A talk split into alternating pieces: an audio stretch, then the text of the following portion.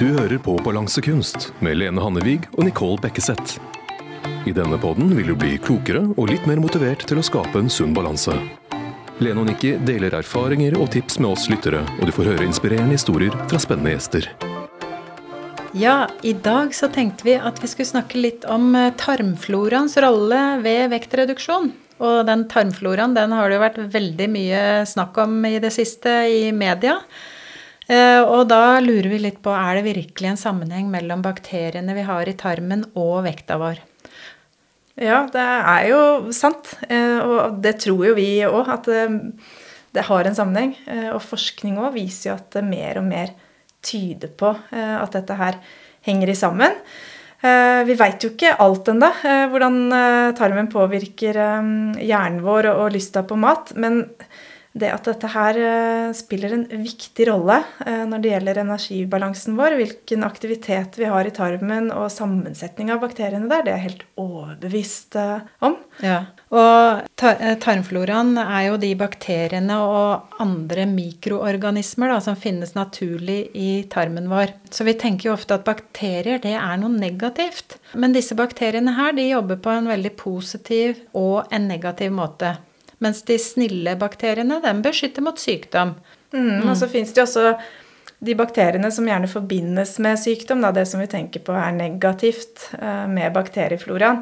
Mm. Men uh, det handler jo kanskje om å ha et overtall av de snille bakteriene. Ernære seg på den måten at du får en uh, tarmflora som er gunstig for deg. Mm. Og ifølge mange eksperter nå, eller det blir jo snakk om det, hvordan skal vi få endra den tarmfloraen? Og hvis man da klarer å spise eh, veldig rein og god mat, så tar det faktisk bare tre dager å endre tarmfloraen. Og eh, hvis du som lytter nå, har du tenkt på det f.eks. For eh, i forbindelse med jul og påske og sånn, så har vi veldig lett for å skeie ut, for å si det sånn, da. Eh, eller kose oss litt ekstra, hvor vi drar inn masse sukker, vi spiser kanskje mye ultraprosessert mat. Mm. Og så bestemmer vi oss for at nå, nå er det slutt på det, nå skal vi tilbake til hverdagen igjen. Og så kommer vi inn i de gode rutinene hvor vi spiser da rein og fin mat, masse grønnsaker, frukt og fiber igjen, ikke sant. Så er det kanskje en tre dager, og så er vi på trekk igjen. Mm. Og da har vi faktisk klart å endre den tarmfloraen. Og det er jo det det er snakk om òg, som disse ekspertene sier, at det tar tre dager å endre. Ja, det er jo derfor de sier at eh, og det er så godt å komme tilbake til hverdagen igjen. Ja. For da fungerer alt så mye bedre. Ja, ja. Fordøyelse og alt blir jo mye, mye bedre da. Ja, og energinivået, ikke sant. Det gjenspeiler jo litt uh, hvordan tarmfloraen er. Ja. Uh, men du var inne på dette her med, med, fiber, og det er vel kanskje det viktigste tiltaket for å få en sunnere tarmflora kjapt, det er jo å spise fiberrik eh, kost. Mm. Eh, og den fiberen det funker jo faktisk som mat for tarmbakteriene. Um, og det bidrar da til at de formerer seg, og det blir et sånt økt uh, mangfold da, av bakterier i tarmen, og det er det vi kaller for biodiversitet. Ja, Og fibre det går jo da ufordøyd ned til tykktarmen, der den blir fordøyd av bakterier, og det stimulerer da til vekst og aktivitet av helsebringende bakterier. Mm. Og det som er så fint med en sånn rik uh, tarmflora, det er jo at man ser sammenhengen mellom mennesker som har en rik, sunn tarmflora, at det ofte assosieres med en sunnere kroppsvekt. Ja. Men så mm. er det jo også sånn at eh, maten vi spiser i eh, Norge da, og i Europa, såkalt vestlig eh, kosthold, den er jo gjerne fattig på fiber og bidrar til lite eh, av den derre biodiversiteten. Du får en dårligere tarmflora med det kostholdet. Så vi tenkte i dag også snakke litt om hva som faktisk eh, skjer, da, og hva vi kan gjøre for å mm, påvirke akkurat dette her. Mm. Mange forskere tror jo at når fiber eh, fordøyes i tarmen etter et måltid, så påvirker det utskillelsen av mett metthetshormoner. Og i flere studier har de f.eks. sett at eh, deltakerne da opplevde økt metthet og spiste mindre til neste måltid hvis de spiste mye fiber, sammenligna med de som fikk eh, vanlig fiberfattig kost. Og det har vi jo eh, sikkert følt på alle sammen. Bare tenk hvis du spiser loff istedenfor grovt brød jeg kjenner i hvert fall at for det første så kjenner jeg at jeg må spise mye mer av det for å bli mett. Men spiser jeg to grovbrødskiver, så blir jeg god og mett, for det er jo masse fiber i det, ikke sant. Ja. Loffen går bare rett gjennom. Ja. Vi får jo mer av de metthetshormonene inn når vi får det fiberrike måltidet. Ja, og så er det akkurat som at du kjenner det litt på magen og fordøyelsen òg når du spiser fiberrikt. Hvor forskjellig det er fra dager hvor du f.eks. er i Syden og du bare spiser eh, ja, loff og friterte matvarer. Ja. Det smaker selvfølgelig godt, men du kjenner at det ikke gjør så godt i kroppen. Nei. Det, for noen opplever at det stopper helt opp også i fordøyelsen, Ja. eh, mens andre har motsatt eh, effekt. Men det, bare hele tilstedeværelsen blir så mye bedre når man kjenner at man blir god og mett etter et fiberrikt måltid, mm. og hvordan det påvirker energinivået egentlig gjennom hele dagen. Ja. Så det er viktig, det der med fiber. Men det er jo mange som spiser for lite fiber, da, og de norske helsemyndighetene de vet jo dette her, så anbefalingene fra dem er jo eh, at vi skal få i oss 25-30 gram eh, fiber eh, om dagen, og da øke det daglige fiberinntaket i form av naturlig fiberrike matvarer. Så kildene til fiber, Lene, kan ikke du eh, ta en recap på det? Ja, det er jo grove kornprodukter. Det er jo veldig enkelt, ikke sant. Det er jo det å velge grovt brød, eh, knekkebrød som er grovt. eh, At man har mye fiber i kosten der. Og så er det jo da grønnsaker. Det er det masse fiber i. Og så er det frukt og bær og nøtter. Og så er det belgevekster og frø, som også er eh, Som det inneholder en god del fiber i. Men det kan jo være vanskelig å gå rundt og tenke på at om jeg får i meg 25-30 gram kostfiber om dagen. Eh, og der har jo helsemyndighetene også noen hva skal man kalle det, regler som gjør det litt mer lettvint eh, å få i seg det. Dette her med fem om dagen, f.eks. Mm. Altså fem porsjoner frukt og grønnsaker om dagen og tre til fire porsjoner med fullkornsprodukter. Det, det er jo det helsemyndighetene kommer med. Ja, og da får du på en måte dekket dags, eh, dagsbehovet. Men det å tenke på de grønnsakene, det var, det var der tror jeg man scorer ganske mye hvis man er god på å spise grønnsaker. Ja. Og det ser jo jeg, mange av de som vi eh, coacher, eh, ser at det er veldig lett å falle ut på grønnsakene.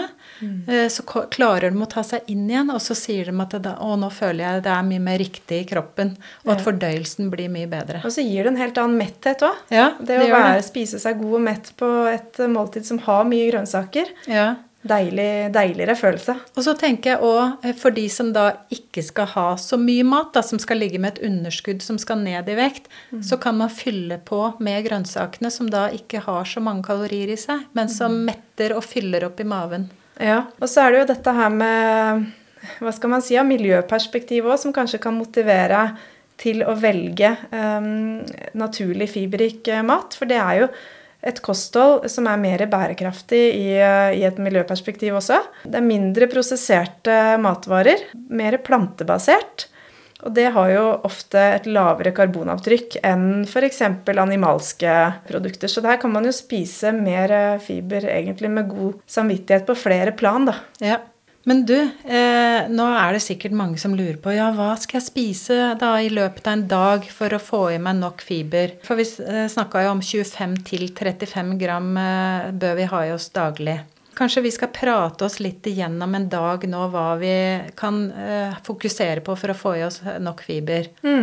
Ja, frokost eh, eksempelvis. Du nevnte jo grove kornprodukter i stad. Eh, Spiser du tre grove knekkebrød, så får du deg sju gram fiber. Ja. Og så er det jo havregryn. Jeg pleier alltid å spise havregrøt til frokost. Så hvis jeg spiser da 40 gram havregryn, som jeg har i havregrøten min, så er det 4,5 gram. Så hvis du da har da havregryna til frokost og kanskje knekkebrøda til lunsj, da Nå tenkte jeg ut fra meg sjøl, for Ja. det er litt sånn jeg spiser. Så har du jo en del eh, gram der. Og hvis du spiser 100 gram blåbær Jeg pleier å ha litt blåbær og banan i grøten min. Men 100 gram er jo en god del, da, men da får du i deg 5 gram av blåbær, faktisk. Ja, Og så er det jo litt det her med å ha frukt og grønt eh, gjennom dagen òg. Kanskje du har alt det her til frokost og, og lunsj. Hvis du tar ei pære, det er også fiberrikt, da får du i deg 4 gram med kostfiber. Ja. Og på de knekkebrødene jeg nevnte i stad, så kunne du kanskje hatt eh, tomat eller um, agurk. Mm. Får du også i deg litt, uh, litt fiber. Og så anbefaler vi jo da minimum 300 gram med grønnsaker om dagen. Men spiser du 100 gram brokkoli, som du kanskje kan klare å få til til middagen, da, så er det 3 gram med fiber. Og så har du en gulrot som er 2 gram. Og så har du kanskje en tomat som du pynter maten litt med. Til lunsj, f.eks. Og så er det nøttene som vi jo anbefaler. En neve nøtter er to gram. Hvis du får i deg alt dette her da, så kommer vi opp i 28,5. Ja, du er kjapp i huet, altså. Ja, juksa litt. da. ja. Nei, men det, det er jo det med å ha kanskje en kilde, da. Frukt eller grønt eller grovt fiber i form av kornprodukter til hvert måltid. Mm. Eh, gjør du det, så trenger du ikke å begynne å tenke så mye på de gramma og sånn, men da kan du være trygg på at du får i deg nok til at eh, kostholdet ditt kan kategoriseres som fiberrikt. Ja, og så er det jo det um, å velge grove kornprodukter som uh, vi snakka om. Og det å f.eks.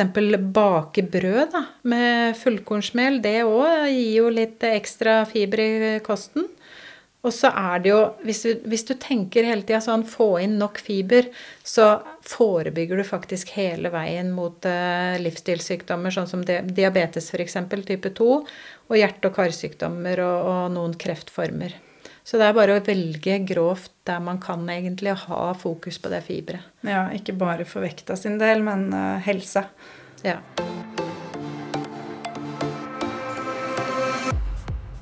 Ja, nå har vi jo blitt veldig rike på fiber. Så nå tenkte vi å skulle berike deg med Hva skal vi kalle dette her, Lene? Et, et beslutningsverktøy som kan støtte deg i å få til disse vanene, da, eh, som å naturlig velge fiberrikt, f.eks. eh, Som da også vil kunne lede til eh, at du lever med, med trivselsvekt. Og enten du er godt i gang nå med prosessen din, eller kanskje du er helt i starten, eh, så kan det jo være fint å reflektere litt over dette målet du har satt deg. Kanskje du har målet om å nå en eh, trivselsvekt du har hatt tidligere. Eh, Og da kan det jo være lurt å sjekke ut om denne vekta egentlig passer med livsstilen som det vil kreve av deg på sikt, da, å holde den vekta.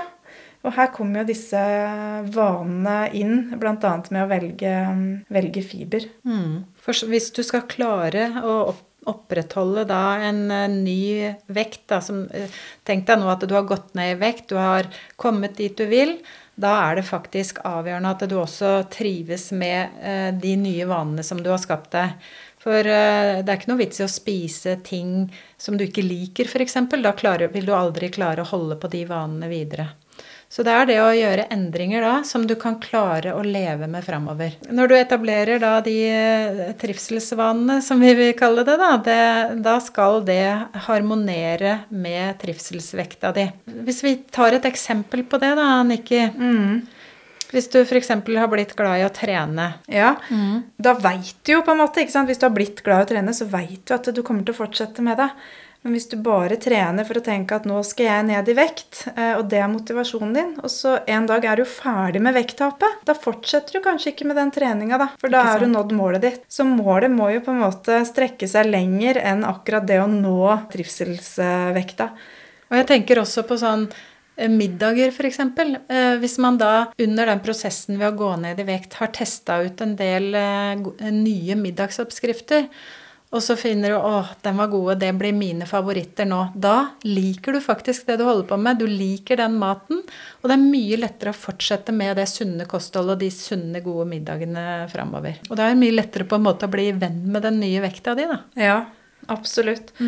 Ja, og- og for, jeg tror det som du sa, hvis du merker at dette her ikke harmonerer, da, eh, livsstilen og den nye vekta, eh, så vil det jo kreve for mye av deg eh, over tid. Og du vil oppleve at kostholdet kanskje er strengt, eh, at det begrenser deg. Og hvis du kjenner litt på det, da, så må du kanskje også akseptere å kunne leve med en noe høyere trivselsvekt enn det du først så for deg. Og kanskje det er greit. For vi ser jo det at det er mange som snakker om ja, den gangen når jeg var 20 år, da veide jeg det og det. Mm. Men vi kan ikke sammenligne det med hvordan det er nå. Nei, Eh, det kommer jo selvfølgelig noe- an på alderen, da, men, men man trenger ikke å tenke så langt tilbake. Man må kjenne på hvordan man føler det her og nå, for kroppen endrer seg jo. Og det man skal huske på, det er jo at du eh, uansett om Hvis du går ned 5-10% av kroppsvekta di, da, så er det jo sånn at du vil få en stor eh, helseeffekt bare av det. Så alle monner drar egentlig der. Det gjør det. Og det å sammenligne seg med sånn langt tilbake i tid, tror ikke det er hensiktsmessig bestandig. Det- Vi hadde mindre rynker og hadde litt annen klesstil og Ikke sant? Alt tar vi jo ikke tilbake, og det er heller ikke vekta. Men dette beslutningsverktøyet da, som vi tenkte å eh, introdusere for deg, det handler jo egentlig bare om å tydeliggjøre fordelene og ulempene ved å innføre denne nye livsstilen. Jeg tenker litt på sånn, Hvilke fordeler gir disse nye vanene deg? Og hvordan jobber du med dette fordeler og ulemper eh, verktøyet, Helene? Hvis du har fire forskjellige sånne Kall det spørsmål eller eh, bokser da, som du skal sette ting inn i. Jeg er veldig opptatt av å skrive ned, det må jeg bare si. For det at eh, du jobber mye bedre. Jeg er sikker på at de som nå eh, går hos meg, de ler når de hører dette her, for det har de hørt 100 ganger. Skriv det ned. Ikke bare tenk det, men skriv det ned, for da jobber underbevisstheten med det. Og det som er da, det er at eh, hvis du skriver ned da fordelene med de gamle vanene dine, og ulempene med de gamle vanene, fordelene med den nye livsstilen som du nå har fått, og de nye gode vanene, og ulempene med, de nye, med den nye livsstilen og de nye vanene, så blir du mye mer klar over eh, hva du egentlig vil framover. Og Så litt hvis hva jeg- du etterlater deg òg, da. Ja, Og du legger tilbake. ja, ja, nå er jeg ferdig med det, Ja. for jeg vil jo ikke fortsette med de ulempene som eh, var ved de gamle vanene. Men hva er fordelen med gamle vaner, da? Jeg tror jo det at eh, hvis det er dårlige vaner, eh, så tror jeg at veldig mange vil føle at det kanskje ikke er så mye fordeler ved det. Nei. Har du noen fordeler, hvis du tenker tilbake, mange år tilbake hvor du kanskje hadde noen dårlige vaner? Ja, det er lenge siden. Nei da. Nei, man har jo med seg gamle synder videre, men den største fordelen, eh, tenker jeg da, med å leve sånn som man har gjort før, da, før man lever med trivselsvekt, det er jo den komforten det er å slippe å ha på det fokuset, kanskje. Slippe å koble på den bevisstheten. Jeg hører det veldig ofte, at dette er slitsomt. Men da eh, hører jeg, for det hører jeg ofte, og, og da spør jeg ofte ja, det er kanskje slitsomt, men hva er alternativet hvis du ikke tenker på det? Ja. Det blir ikke mindre slitsomt av å la det ligge. Nei, for da får du ikke gjort noe med, med vaner og vekt og hvordan du føler deg, ikke sant? Mm. Og da er det jo veldig fint å tenke på ulempene òg med de gamle vanene, og bli klar over de, da. Mm. Og der tror jeg det er mange som finner mange punkter under det. Ja. Hva kan et punkt være da?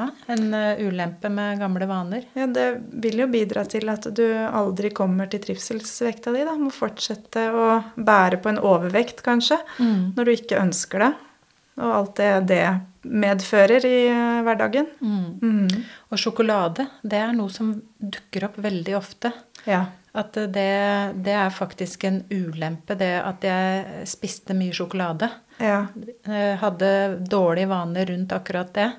Og det gjør jo at man føler seg dårlig òg når man spiser det. Alt det sukkeret man får inn. ikke sant? Så man blir veldig klar over hva det gjør med kroppen når man leiter etter alle de ulempene. Mm. Så da er det jo lett å kjenne på fordelene da, ved den nye livsstilen, når du på en måte har kartlagt alle ulempene som du eh, vil vekk ifra. Og da kan vi jo begynne å vri det om til fordelene med den nye livsstilen. Ja. Og her finner vi jo mange, og det har vi jo snakka en del om nå også, fordelene ved å f.eks. spise fiberrik kost, som er en naturlig del av en sunn livsstil. Hvordan dette her påvirker tarmfloraen, og hvordan disse bakteriene i tarmen igjen påvirker eh, tanker og følelser, faktisk. Eh, at du får det bedre. Det er jo ikke noe hemmelighet, eh, det. Eh, at vi vet at de kjemiske stoffene som skilles ut i tarmen ved et fiber i kosthold, det påvirker nevrotransmittere i hjernen som sender signaler om mm. glede, tristhet osv. Ja. Så jo sunnere du spiser, jo bedre har du det med deg sjøl. Ja, og jeg er så opptatt av den følelsen der, jeg. Fordi at eh, jeg ser at eh, Og jeg hører det også, at mange nevner hvordan de følte seg i jula eller påsken da når de spiste alt det sukkeret. Og hvordan de føler seg, og hvor deilig det er når de spiser det gode kostholdet som vi jobber med. Ja, og så har man egentlig ikke noe bevisst forhold til hvorfor det er sånn. Man bare veit det. Ja. Så man søker litt tilbake til hverdagsrutinen og det gode kostholdet. Men det har jo gode forklaringer. Mm. Så det er mange fordeler med den nye livsstilen og de nye vanene. Ja. Og så må vi òg hente fram ulempene da, med den nye livsstilen og de nye vanene. Det er faktisk noen ulemper også, får jeg høre av mange. Ja, men tror du da at de har tatt det sånn ordentlig inn over seg? Nei. Da at jeg føler at de som opplever ulemper med en sunn og ny eh, livsstil, ennå ikke har det helt integrert. Det tror jeg det er riktig det du sier der, Nikki. Fordi at selvfølgelig, man må eh, tenke. Og det, er- jeg tror det er det som er ulempen. At jeg må stadig tenke litt over hva jeg gjør. Men samtidig så er det jo rom for å kunne skli litt ut, og så tar man seg inn igjen. Det er jo menneskelig. Det er veldig sant det du sier. Ja, Det er der den sunne balansen kommer inn, da. Og det er jo den vi er opptatt av å finne. Man skal få lov til å være litt usunn for å kunne være sunn. Ja, Ja, og det er så bra. Yes, så da har vi snakket litt om fordeler og ulemper. Jeg er sikker på at du som hører på nå også kjenner på dine fordeler og, og ulemper. Og hvis du har lyst til å dele det med meg eller Lene, så ta gjerne kontakt med oss, da vel. Ja, og skriv det ned. det kan jeg ikke få sagt mange nok ganger. Da blir du mye mer bevisst. Og du blir be bevisst på den sunne balansen som vi er ute etter. Du lyttet til Balansekunst med Lene og Nikki. Hold den sunne balansen ved å følge oss på Facebook og Instagram under balansekunst.podkast.